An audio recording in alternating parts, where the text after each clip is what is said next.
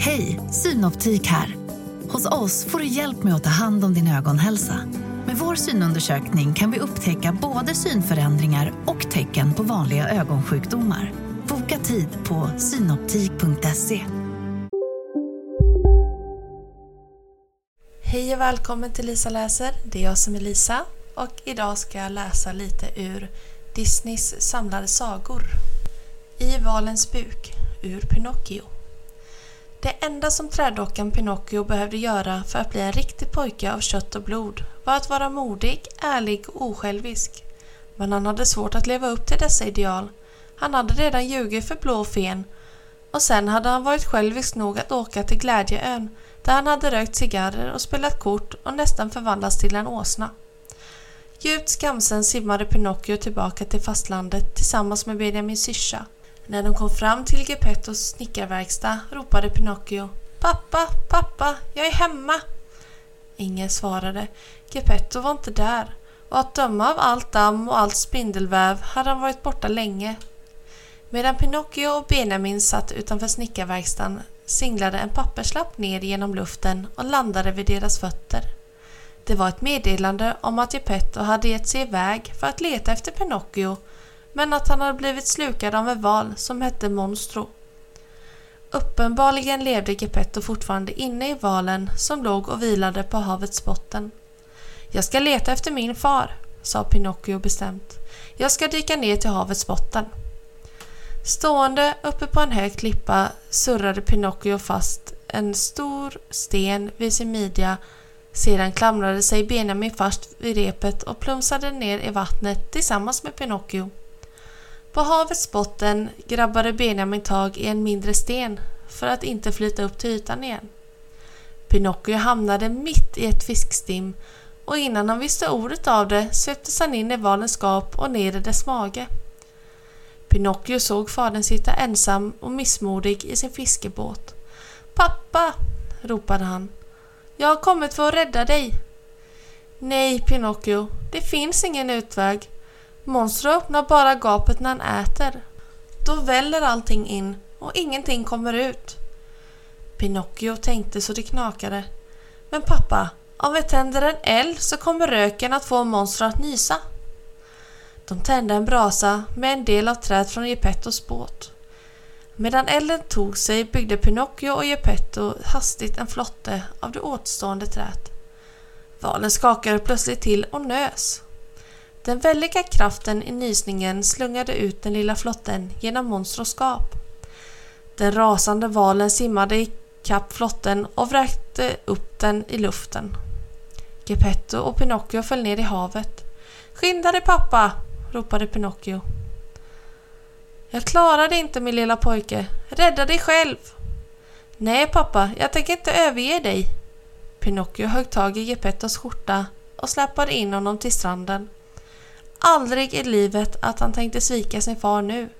När Pinocchio och Geppetto kom hem igen belönade blå fen Pinocchio genom att förvandla honom till en riktig pojke av kött och blod.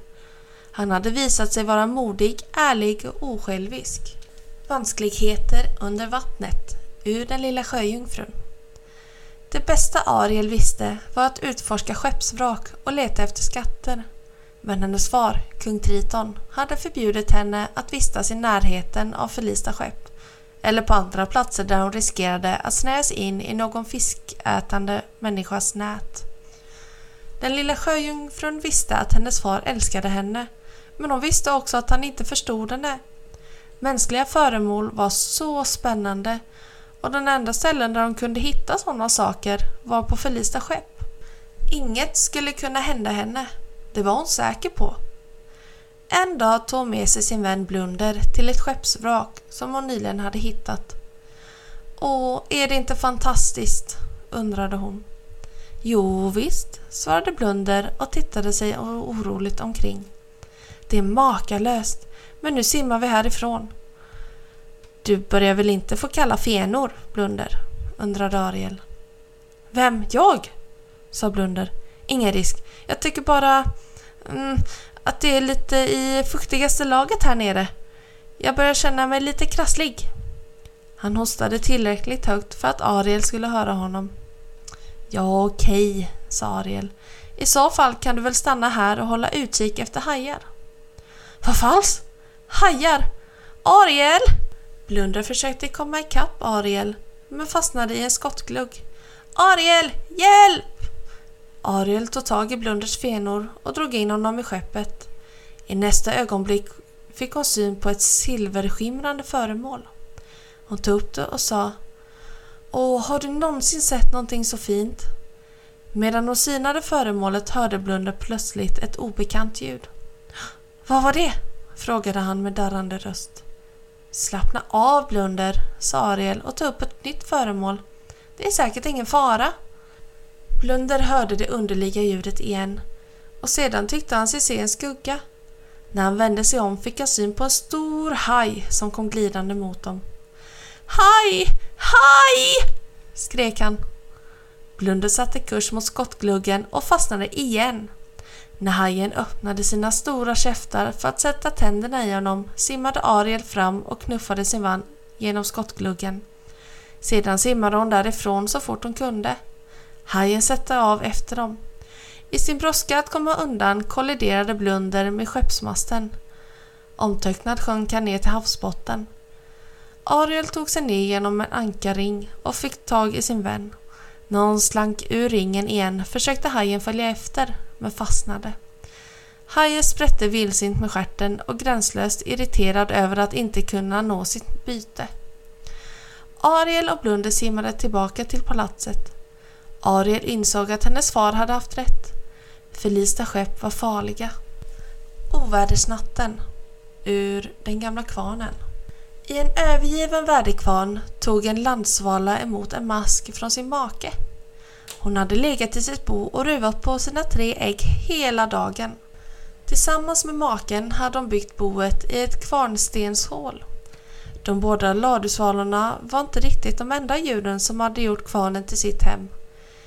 Piggögda fladdermöss hängde i klasar i taksparrarna och en knubbig gammal uggla satt uppflugen i en träbjälke. Ladusvalarna brukade titta på när ugglan puffade upp sina fjädrar och vickade med huvudet från vänster till höger och höger till vänster. Denna natt såg den ruvande ladusvalan fladdermössen veckla ut sina vingar och susa iväg mot ett hål i kvarnväggen. För ett ögonblick lystes deras ruggiga skepnader upp i månskenet. Sedan försvann månen bakom ett tjockt måntäcke och fladdermössen uppslukades av mörkret. Hennes make följde efter dem ur i mörkret för att söka efter mer föda. Med undantag av ett och annat hoande från ugglan var det alldeles tyst i kvarnen. Ladusvalan skruvade på sig i boet och hon kände att det drog kallt genom hålen i sprickorna i väggarna. Sedan började kvarnen skaka för den ilande vinden. Det började regna. Till en början duggade det bara, men snart smattrade det taktfast mot taket. Vatten sipprade in genom hålen i taket men droppade inte ner i boet. Vinden ven allt högre och plötsligt såg fågelmamman hur det stora kvarnhjulet kom rullande mot henne. Repet som höll fast kvarnhjulet hade brustit och vingarna på den gamla kvarnen hade börjat rotera och satt hjulet där inne i rörelse. Den skräckslagna ladusvalan flög upp från boet. Sedan flög hon tillbaka och bredde ut sina vingar över väggen. Det stora tunga kvarnhjulet rullade över boet men ladusvalan och hennes ungar klarade sig ifrån att bli krossade. Den tand i hjulet som var avsedd för hålet som innehöll boet var avbruten. Ladusvalan stannade kvar i boet hela natten och beskyddade sina ägg. När ovädret slutligen dragit förbi stannade kvarnhjulet och solljus trängde igenom i de hålen och sprickorna i den gamla övergivna kvarnen. Hennes glädje visste inga gränser när hon såg sin make komma tillbaka. Han hade med sig mat till deras nykläckta ungar. Cruellas elaka plan ur Pongo och de 101 dalmatinerna. Det var en kall, mörk natt. Det blåste hårt och snön virvlade men Pongo och Perdita hade bara en tanke i huvudet medan de sprang igenom landsbygden. De måste rädda sina valpar. Cruella de Vil hade stulit deras valpar och många andras också. Hon hade gömt dem i ett gammalt hus långt utanför London och hennes plan var att tillverka dalmatinerpälsar av dem. Hotfullt morrande hoppade Pongo in i huset där valparna fanns.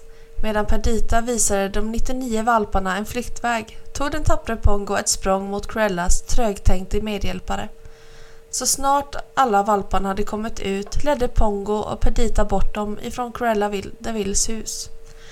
Eftersom snön låg djup var det svårt för valparna att ta sig fram. Pongo och Perdita visste att Cruella skulle ta upp jakten på dem. För att inte lämna avslöjande tassavtryck i snön lät Pongo och Perdita valparna följa efter dem i en igenfrusen bäck. Och det dröjde inte länge förrän strålkastarna på Cruellas bil lyste i mörkret. Dalmatinerna måste gömma sig under en bro. Det var nära ögat, Perdita, sa Pongo. Jag fryser, sa Flax och huttrade till.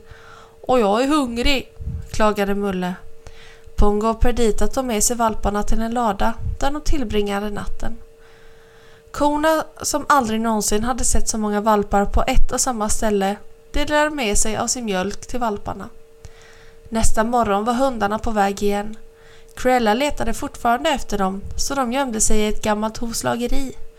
Men det dröjde inte länge förrän de lekfulla valparna tumlade omkring i askan från hovslagarens brasa. Jag har en idé, utbrast Pongo. Rulla er i sotet och askan allihop. Jag vill att ni smutsar ner er ordentligt. En liten stund senare marscherade 101 svarta hundar nervöst över gatan, mitt framför näsan på Cruella. Den listiga planen hade fungerat. Hundarna hoppade på en lastbil som var på väg mot London. Roger och Anita blev förvånade när de hörde Pongos skällande utanför dörren. Pongo gamle gosse, är det verkligen du? Utbrast Roger glädjestrålande när Pongo och Perdita vällde in i huset, så snart också fylldes av glada, smutsiga och lekfulla valpar. Men Roger, vad ska vi ta oss till med dem? frågade Anita. De är ju hur många som helst. Äh, vi behåller dem, svarade Roger glatt. Familjer håller ihop. Hem ljuva hem ur Peter Pan. Barnen Darling hade hört många underbara historier om Peter Pan men de hade aldrig vågat drömma om att någonsin få träffa honom. Så när Peter Pan flög in i barnens kammare en kväll blev de överlyckliga. Följ med mig till ön ingenstans, sa Peter till Lena, John och Mikael. Och det var precis vad de gjorde.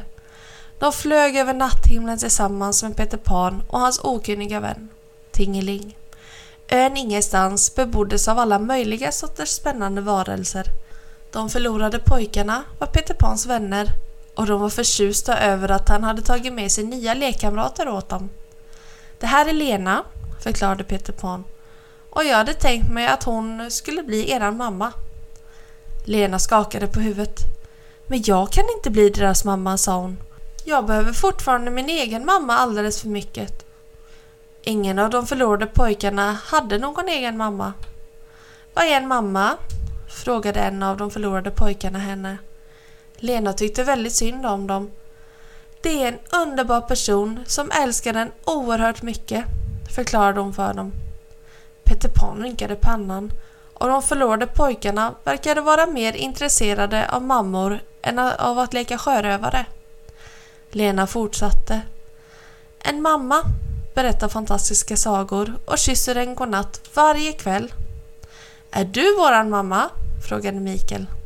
Nej, sade Lena. Jag är eran syster. Har ni glömt våran riktiga mamma? John tog upp sin hatt. Jag kommer ihåg henne, utbrast han. Och jag tycker att vi åker hem till henne med detsamma. Lena, John och Mikael tog farväl av Peter Pan och hans vänner. Landet ingenstans blev mindre och mindre medan de flög över marken mot sitt hem. Och där bodde ju deras egen mamma som just var på väg till barnkammaren för att kyssa dem godnatt. Och snipp, snapp, snut så var denna lilla Disney-stund slut.